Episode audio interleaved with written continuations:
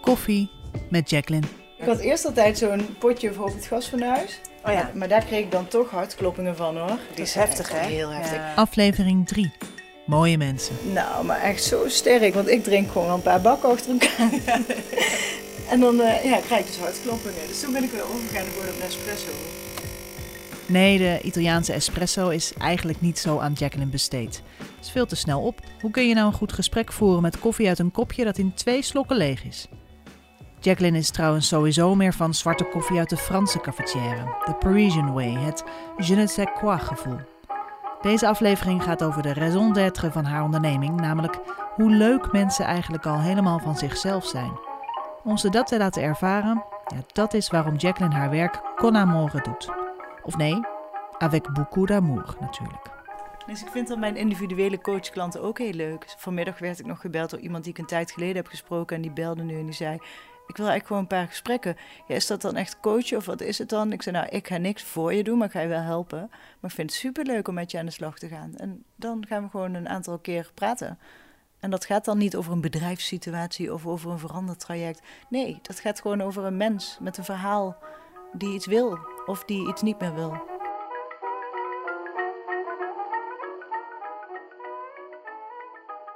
Ik denk dat veel mensen en bedrijven ehm, eigenlijk niet eens beseffen hoe uniek en authentiek het is wat ze vanzelf al zijn. Want dat wat er vanzelf is, zien we niet meer.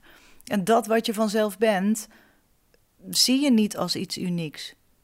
Doen mensen en bedrijven dan dus ook eh, zichzelf tekort in je ogen? Ze kunnen meer dan dat ze denken dat ze kunnen of laten zien dat ze kunnen? Ja, maar wat niet betekent dat ze dat. Ik bedoel dit niet, en dat wil ik heel expliciet benoemen, als dat er altijd iets moet veranderen.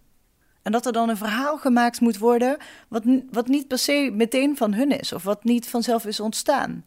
Maar als je dus met elkaar kan kijken naar, maar dat wat we zijn is al heel uniek. En het tekort doen zit hem dan denk ik in dat dat vaak niet eens de aandacht krijgt. En dat, dat is dat die potentie, denk ik, ja.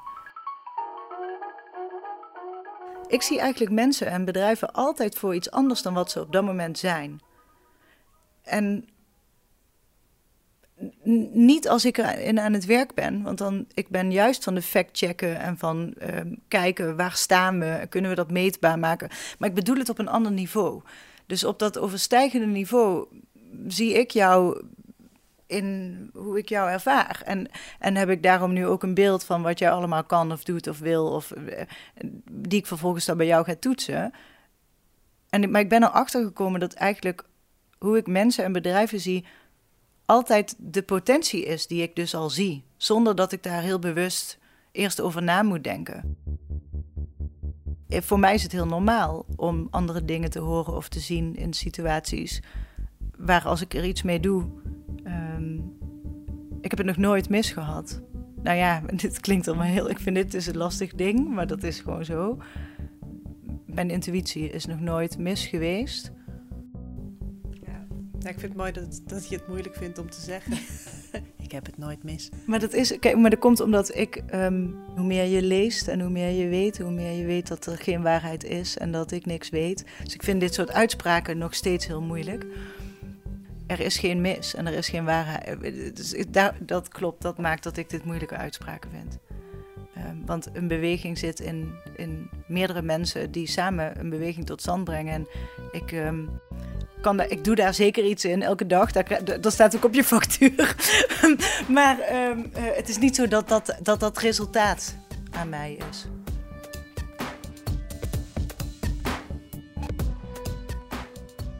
Je kunt dus in de ogen van Jacqueline geen bedrijf hervormen tot iets wat het niet ten diepste al is. Maar om tot de kern te komen moet je scherp kijken naar hoe die kern is ingepakt. Je hebt natuurlijk allerlei voorgegeven structuren waar je instapt. Waar je iets mee moet. Eigenlijk is de vraag van, ben jij ook iemand van de soort van systeemkritiek? Zo van, we moeten dit eigenlijk allemaal Ja, zeker, anders inregelen. In, ja. in, indelen of, of eh, ja. Zeker. Het is altijd belangrijk om te kijken hoe willen we samenwerken? Wat is de cultuur? Wat is ons werk? Wat is daarvoor nodig? En ehm, wat is dan een passende organisatiestructuur die zorgt dat we lekker aan het werk zijn, maar ook eh, de kwaliteit bewaken. En dat is voor mij altijd uh, een van de eerste dingen die je bekijkt, maar die je niet als eerste gaat veranderen, omdat dat een heel belangrijk, zorgvuldig proces is. Waar je dus eerst begint met wat coachgesprekken of wat kleinere groepjes die met elkaar gaan praten. Om dan ook heel goed te komen tot ehm, welke structuur gaan we implementeren en wat betekent dat over een langere periode. Soms moeten er dan mensen uh, nieuwe skills worden verstevigd. Bijvoorbeeld die mensen die gewend zijn om te leiden, die moeten dan meer leren coachen, zodat zij hun teams kunnen gaan begeleiden om het zelf te doen. Dus dat, dat heeft veel meer om handen. En daar ben je soms wel langer mee onderweg. Ja, het, is, het is gedoe, zo'n organisatie. en werken en met andere mensen samenwerken. Ik wil eh, gedoe in een, in een positieve zin hoor. Uh, maar het, is, het kan je constant bezighouden ja. natuurlijk. Ja. Ja, ik hou dus van gedoe in, in die vorm. En, en dat is ook wat jij straks zei: van het, is het dan ooit gaat? Nee, je kan het constant, het houdt je constant bezig. Ja. En dat is wel mijn, mijn lievelings ook. Ja. Tuurlijk vind ik het niet leuk als er problemen, dat is iets anders. Hè? Maar, um, maar hoe meer gedoe, hoe beter. Want dat betekent dat we het ergens over eens zijn of over oneens zijn. Um, en, en dan gaat het over hoe zorg je dat dat gedoe um, vertaald wordt naar wat zegt dit nou? En je zult altijd gedoe hebben als er mensen samenwerken, maar ik zie dat, ja, ik zie dat dus niet als gedoe. Ik zie dat dus als beweging. Ja, kom je daar eigenlijk wel op een werkvloer waar gewoon niks meer in beweging is? Waar iedereen gewoon hun eigen uh, ja, meestal toetsenbord is dat, dan, uh, meestal is dat dan zo, totdat ik een paar keer ben geweest. dus ik kom daar wel eens, maar dat duurt dan niet lang. Ja, een soort ingedutte werkelijkheid. Van, ja, dit is gewoon, dit is wat ik doe, elke dag, mijn mailtje beantwoorden. Ja. ja, maar het is nooit dat. Dat is dan wat het lijkt. Het is nooit dat. Er is geen organisatie en geen mens die zo werkt. Um, soms kan het zo lijken, doordat inderdaad de organisatiestructuur eigenlijk niet meer aansluit.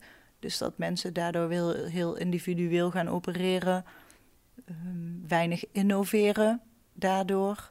En dan, dan, dan kan ik me voorstellen wat je zegt over die, dat gevoelsmatig zo'n sfeer van er gebeurt hier niets.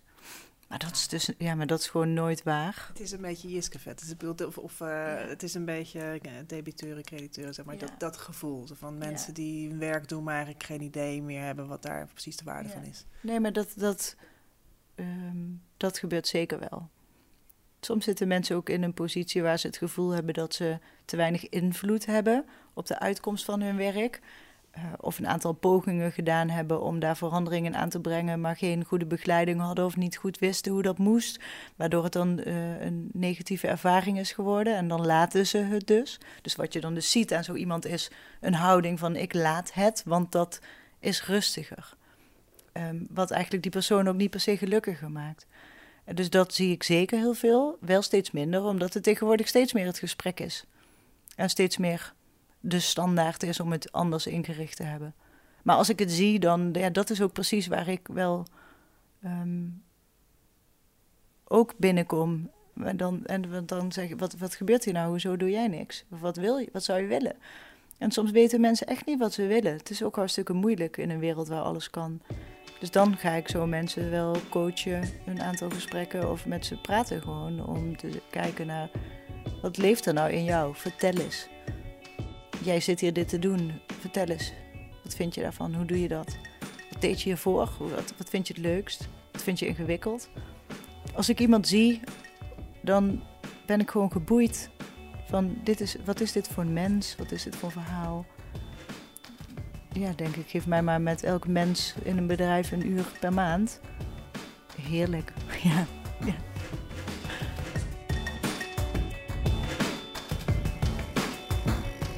Dit was aflevering 3 van de serie Koffie met Jacqueline.